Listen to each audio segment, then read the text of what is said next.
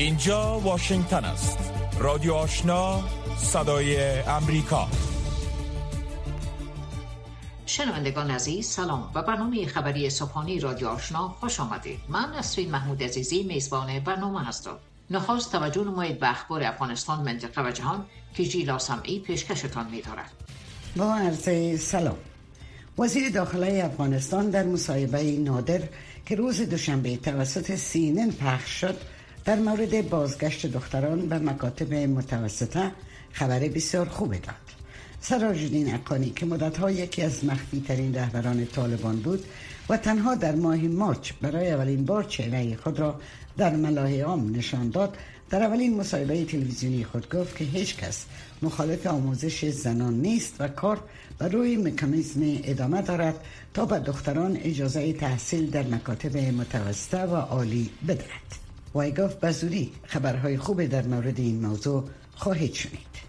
حقانی توضیح داد که آموزش باید بر اساس فرهنگ افغانی و قوانین با اصول اسلامی باشد و به طور گسترتر به موضوع حجاب زنان اشاره کرد. او گفت که باید شرایط را فراهم کنند که بتوانند عزت و امنیت زنان و دختران را تامین کنند.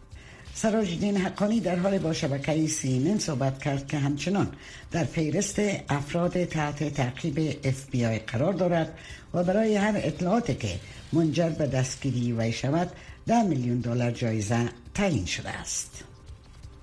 رجب طیب اردوغان رئیس جمهور ترکیه روز دوشنبه مخالفت ترکیه با عضویت فنلند و سویدن در ناتو را تایید کرد و مجددا دو کشور را به عدم اتخاذ موضع روشن علیه تروریسم متهم کرد. اردوغان گفت ما به کشورهایی که ترکیه را برای پیوستن به سازمان امنیتی ناتو تحریم می کنند بله نخواهیم گفت. سویدن از سال 2019 به دلیل عملیات نظامی انقره در سوریه هر گونه فروش تحصیلات به ترکیه را به حالت تعلیق درآورده است. دو کشور اسکاندناوی پس از حمله روسیه به اوکراین رسما اعلام کردند که قصد دارند برای عضویت در ناتو درخواستند. اما ترکیه تهدید کرده است که از گسترش ائتلاف جلوگیری خواهد کرد و این دو کشور را به پناه دادن به گروه های تروریستی از جمله شبه نظامیان غیر قانونی کرد که در لست سیای انقره اتحادیه اروپا و ایالات متحده قرار گرفتند متهم کرده است.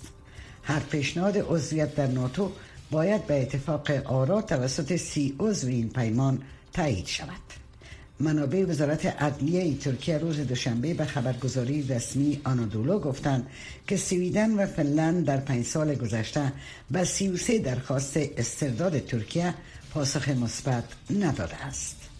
مولود چاوش اغلو وزیر خارجه ترکیه روز چهارشنبه در واشنگتن با انتونی بلنکن همتای امریکایی خود دیدار خواهند کرد جایی که انتظار می رود مخالفت های انقره در صدر اجندا قرار گیرد. با آخرین تحولات جنگ در اوکراین اخبار را ادامه میدیم گانا مالیار معاون وزیر دفاع اوکراین روز دوشنبه گفت که بیش از 260 سرباز اوکراینی از فابریکه معاصره شده فولاد آزوفاستال در شهر بندری ماریوپول تخلیه شدند. مالیار در بیانیه گفت که 53 سرباز به شدت مجروح برای دریافت کمک های صحی از آزوفاستال به یک محل دیگر منتقل شدند.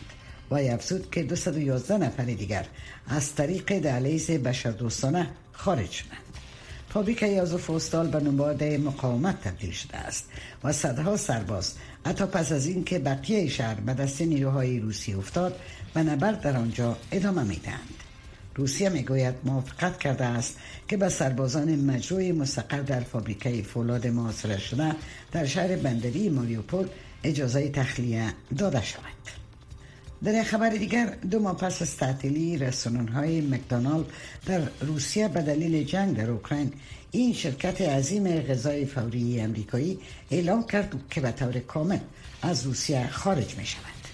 مکدونالد برای تصمیم خود به بحران انسانی ناشی از جنگ و محیط عملیاتی غیر قابل پیش بینی اشاره می کند و می گوید که به دنبال فروش تجارت روسی خود است. دیگر شرکت های چند ملیتی که از ماه فوریه از روسیه خارج شدند عبارتند از H&M، ستاربکس و ایکیا در یک رویداد دیگر سرگی گیدای والی منطقه لوهانسک می‌گوید که در آخرین گلوله باران در سرودونتسک در شرق اوکراین دست کم ده نفر کشته شدند زیرا این شهر تقریبا توسط نیروهای روسی محاصره شده است. گیدای در بیانیه در تلگرام می‌گوید نیروهای روسی بی وقفه سرودونتسک را گلوله باران می‌کنند. این در حالی است که دارای استخبارات نظامی بریتانیا هشدار می‌دهد که دستاوردهای نیروهای اوکراینی در شرق این کشور جایی که نیروهای روسیه را از شهر خارکف عقب راندن می تواند توسط متحد روسیه یعنی بلاروس که نیروهای ویژه را در امتداد مرز شمالی اوکراین بسیج می کند کن شود. یک مقام ارشد امریکایی روز دوشنبه به خبرنگاران گفت که جو بایدن رئیس جمهور امریکا دستور احیای حضور نیروهای امریکایی در سومالیا را برای کمک به مقامات محلی در مبارزه با گروه الشباب صادر کرده است. این اقدام دستور دانالد ترامپ سلف بایدن را که در اواخر سال 2020 تقریبا تمام نیروهای امریکایی را از این کشور افریقای شرقی خارج کرد تغییر می‌دهد. این مقام گفت بایدن درخواست وزارت دفاع را برای تغییر مکان نیروهای امریکایی در شرق افریقا و منظور برقراری مجدد حضور مداوم نظامی کوچک امریکا در سومالیا تایید کرد. این مقام گفت که کمتر از 500 سرباز در سومالیا حضور خواهند داشت و برای رسیدن به آن سطح و کم زمان نیاز است. و الیزابت بورن به عنوان صدر جدید فرانسه و دومین صدر زن در تاریخ این کشور انتخاب شد. خانم بورن 61 ساله جایگزین ژان کاستک صدر مصطفی فرانسه می شود. استعفای کاستکس با پیروزی ماه گذشته امانوئل مکرون در انتخابات ریاست جمهوری قابل پیش بینی بود. انتظار می رود مکرون و بورن در روزهای آینده دولت را تشکیل دهند. اولین صدر زن در تاریخ فرانسه خانم ادیت کرسون بود که طی سالهای 1991 تا 1992 در دولت فرانسوا میتران رئیس جمهور سوسیالیست آن کشور خدمت کرد. خانم بورن ابتدا به عنوان وزیر ترابری و وزیر گذار زیستی محیطی و از سال 2020 به عنوان وزیر کار در کابینه امانوئل مکرون حضور داشته است. پایان اخبار از رادیو آشنا صدای امریکا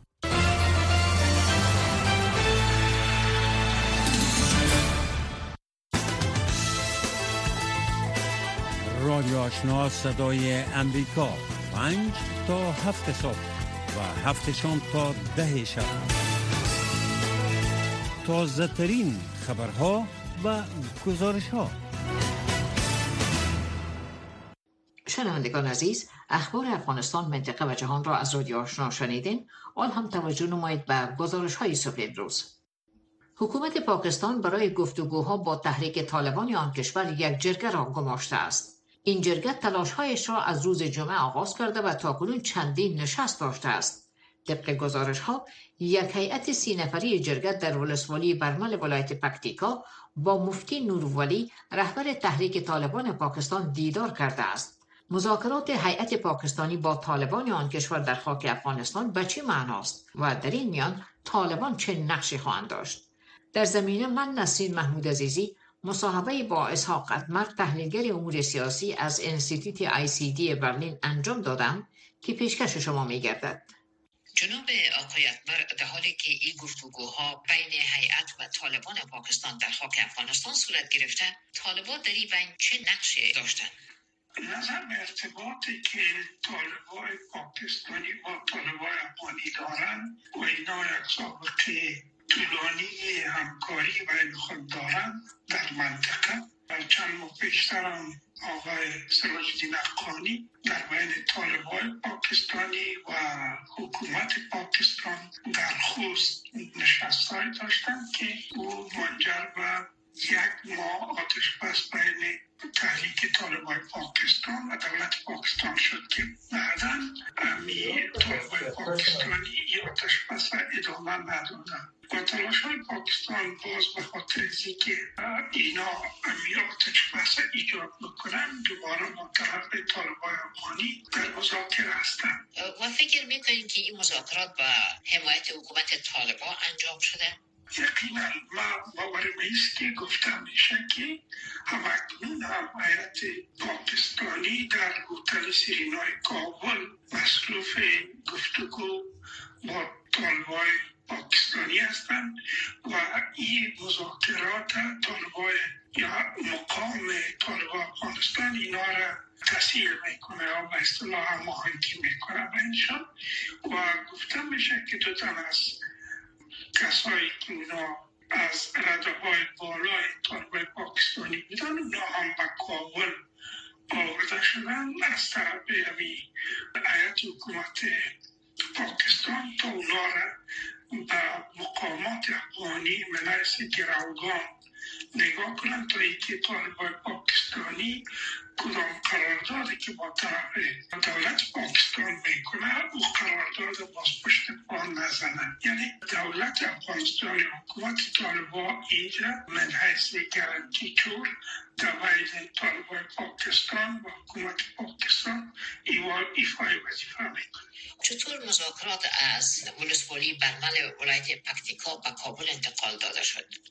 این بسیار دقیق نیست متا ما موثق از کنم آژانس خبررسانی نشنیدیم ولی در رسانه ها چنین آمده که این مذاکرات فعلا در هتل سرینا مذاکرات هیئت پاکستانی با طالبای او کشور در خاک افغانستان به چی مفهوم است؟ چی مسائلی را برملا می سازد؟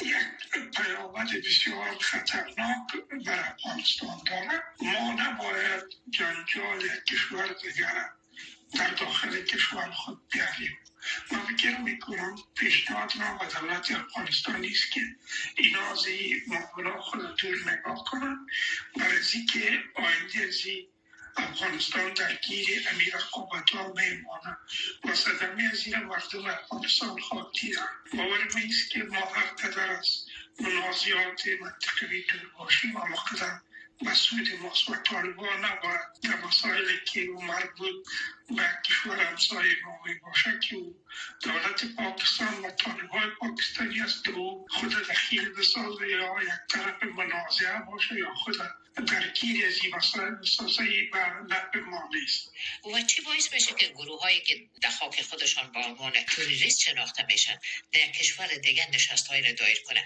از لحاظ بین المللی چه توجیهی دارد؟ هیچ جواز نداره شما می‌کنید یگانه مشکلی که مثلا در کشور ایجاد میشه کشور میزبان تنها می‌تونه در حد دفاع از منافع حقوق بشری و پناهگزینی و مسکن و تهیه جای برای مهاجرین کمک بکنن ای که اونا این گروپ ها رو مسئله بکنن و در مقابل یک کشور دیگر یا از خاک خود امی به اصطلاح نمگذارن که خاکشان دستخوش تهاجم و یا پلان های کشورهای دیگر شد من فکر می‌کنم که بهترین راست که افغانستان خود از این مناسبات دور نگاه کنه هفت روز هفته با رادیو آشنا صدای امریکا و در ادامه گزارش ها دیدبان حقوق بشر می‌گوید نیروهای امنیتی کامرون از افراد همجنسگرا، دو جنسگرا و فراجنسیتی که در مجموع LGTI یاد می شوند در برابر حملات خشونت آمیز محافظت نمی کنند و در عوض قربانیان را دستگیر و اذیت می کنند. موکی ادوین کنزیک خبرنگار صدا امریکا از یاونده پایتخت کامرون گزارشی دارد که عبدالواجد عادل به توجه می رساند. دیدبان حقوق بشر در گزارشی در این هفته می‌گوید که در کامرون با ادامه دستگیری و بازداشت افراد با تفاوت‌های جنسیتی و افراد مزنون با آن خشونت و آزار علیه این افراد LGBTI که شامل همجنسگرایان، دو جنسگرایان و فراجنسیتی می شود افزایش یافته است. این گزارش می‌گوید از نهم مارچ به این سو نیروهای امنیتی کامرون دست کم شش نفر از افراد با تفاوت‌های جنسیتی را به طور خودسرانه دستگیر و یازده نفر دیگر را توقیف کردند.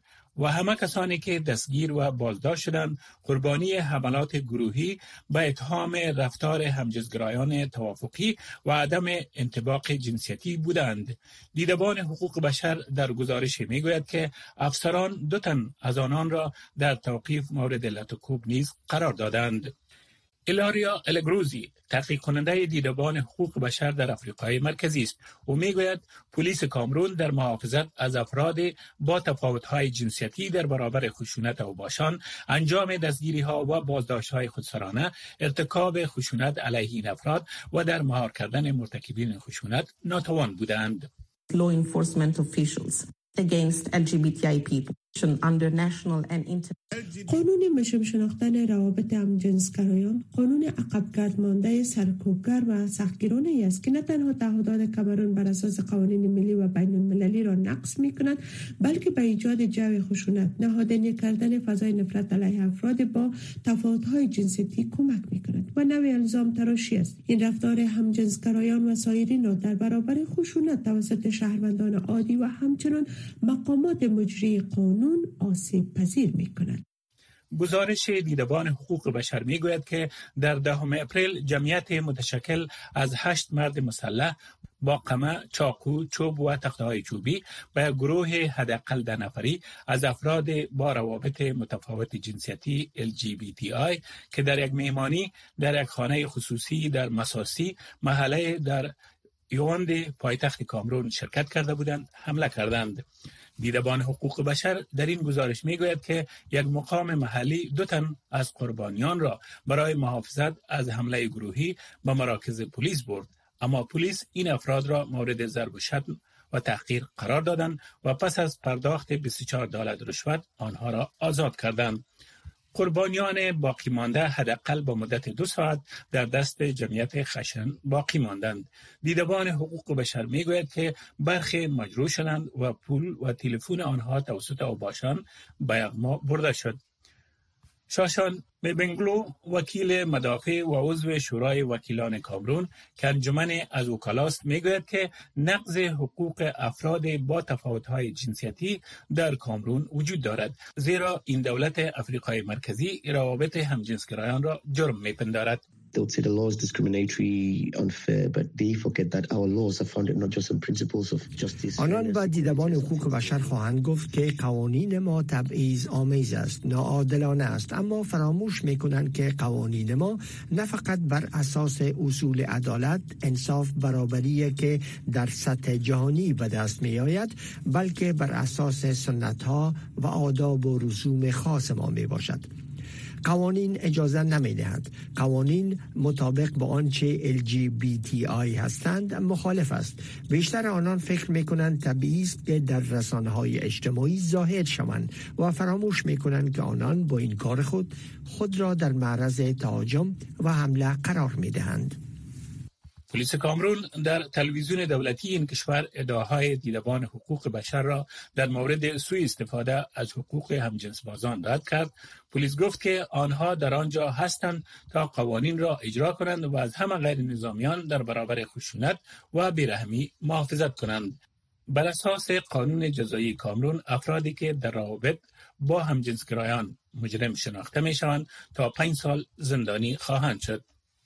دیدبان حقوق بشر می‌گوید که کامرون با جرم پنداشتن روابط افراد با تفاوت‌های جنسیتی نه تنها تعهدات خود بر اساس قوانین ملی و بین‌المللی را نقض می کند بلکه از فضای خشونت و نفرت علیه این افراد چشم پوشی می کند.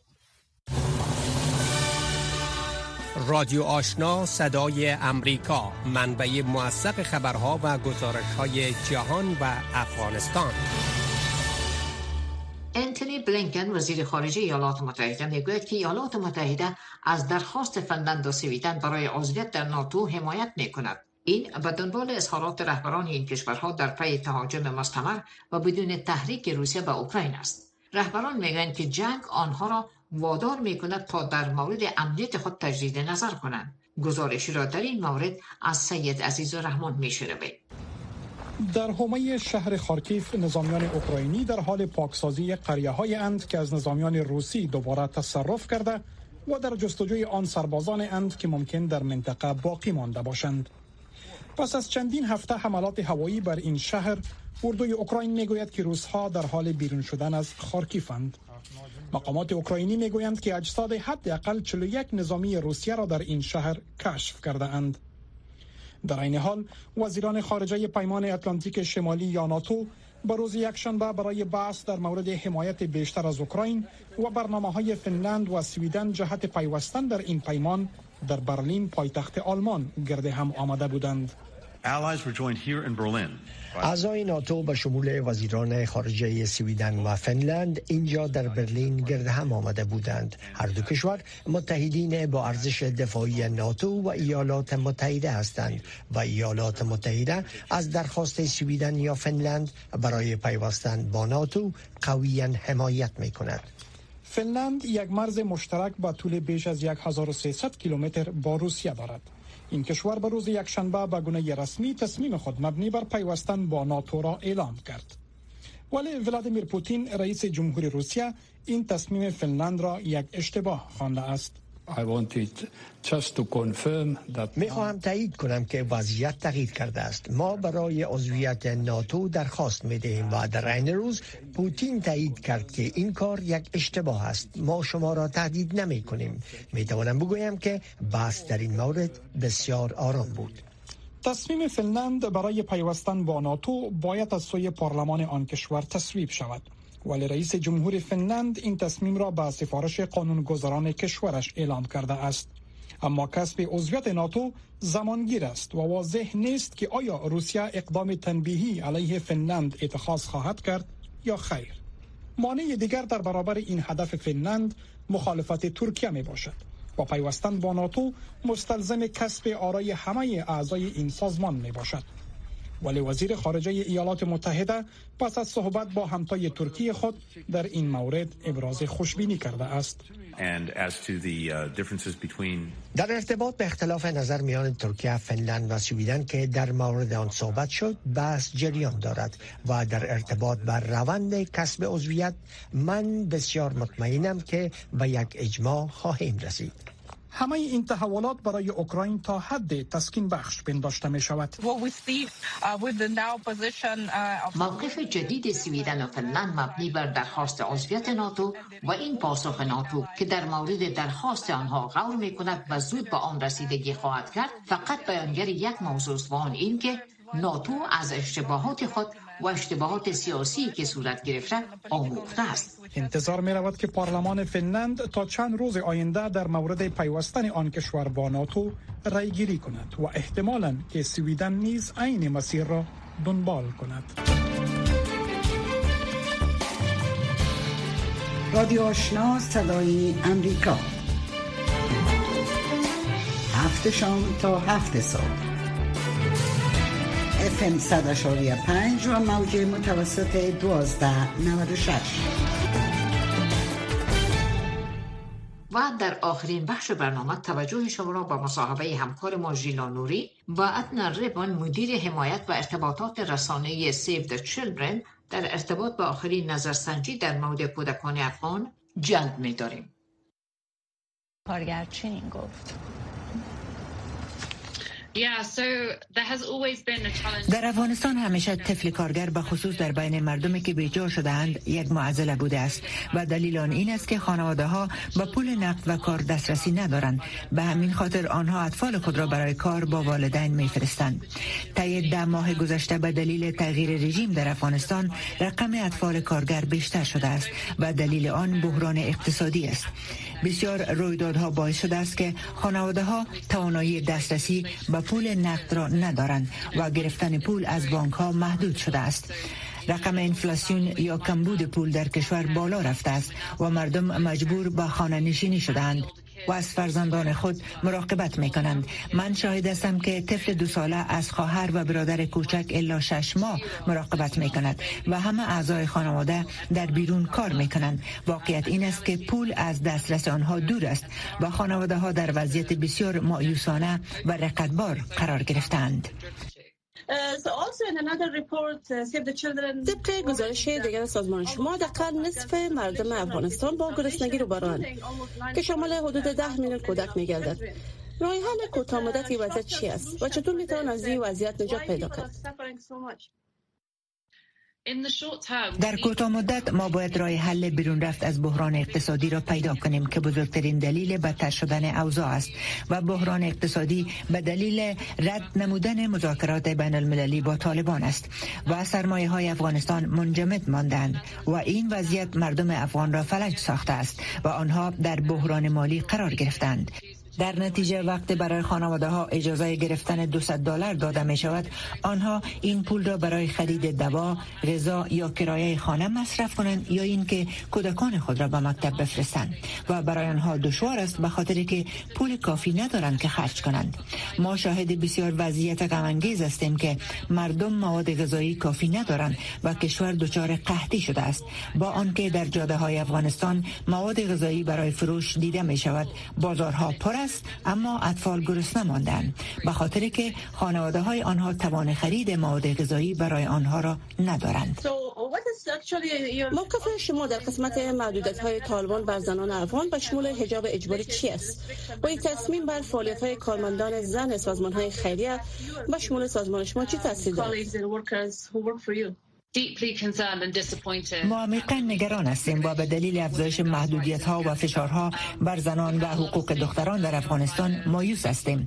ما اعلامیه های زیادی در ابتدا به رهبران طالبان فرستادیم و آنها تمایل برای حفظ حقوق زنان و دختران افغان ندارند.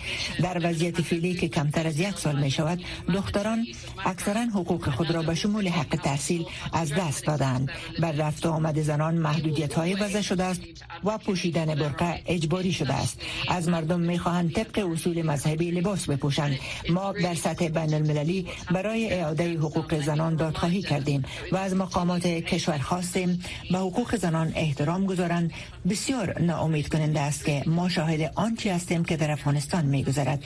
باید یاد ما باشد که متوجه این مسئله هستیم. اتحادیه اروپا اخیرا هشدار داده است که طالبان به صدای مردم خود گوش نمی‌دهند و به تخطی های حقوق بشری ادامه می‌دهند. این مسئله در قسمت برسم شناختن طالبان چی تاثیر دارد؟ در حالی که مردم از گرسنگی هلاک می‌شوند نظر شما در مورد چی است؟ فکر می کنم که نکته خوب است که باید نیازهای مردم در داخل کشور تشخیص داده شود و اعلامیه های اخیر بین المللی به شمول اتحادیه اروپا قدم های نخست است و از نظر ما سریعا نیاز است که چهار چوکات و راه پیشرفت مذاکرات مشخص کردند. ما نیاز داریم که مقامات اقدام کنند و از حقوق مردم افغان محافظت کنند. ما نیاز داریم که جامعه بین المللی و انستیتوت ها مانند اتحادیه اروپا باید آماده مذاکرات کردند به خاطر که هر روز که میگذرد و مذاکرات ناکام می شود یک روز دیگر باعث گرسنگی کودکان افغان در جاده ها می گردد به خاطر که خانواده ها توانایی تغذیه آنها را ندارند و دختران مکتب نمی روند. سازمان نجات کودکان در بخش مراقبت های صحی به خصوص سطح مادر و نوزاد نیز خدمات خود دارند. وضعیت خدمات صحی در افغانستان چطور ارزیابی می‌کنید و چی باید صورت گرفت از سقوطان جلوگیری گردد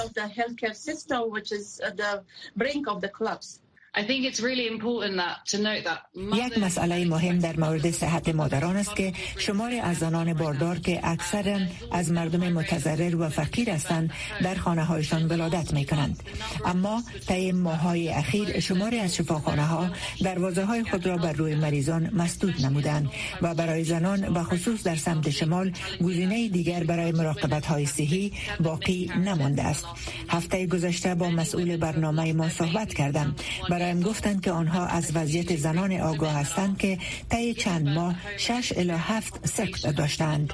شمار دیگری از مادران کودکان خود را حتی یک ساله از دست دادند و این مسئله برای زنان که در خانه زایمان می کنند بدتر شده است به خاطر که با وضعیت پیچیده روبرو می شوند و توان رسیدگی به مراقبت های صحی را ندارند. شنوندگان گرامی در اینجا می رسیم به پایین بخش دوم برنامه صبح امروز رادیو آشنا. چند لحظه بعد نشرات برنامه رادیو آزادی را روی همین موج می شنوید که تا هفت شام به وقت کابل ادامه دارد. تا ساعت هفت شام که بار دیگه با نشرات رادیو آشنا در خدمت خواهیم بود با شما عزیزان خداحافظی می کنیم روز بخیر خداوند یار و یاور شما.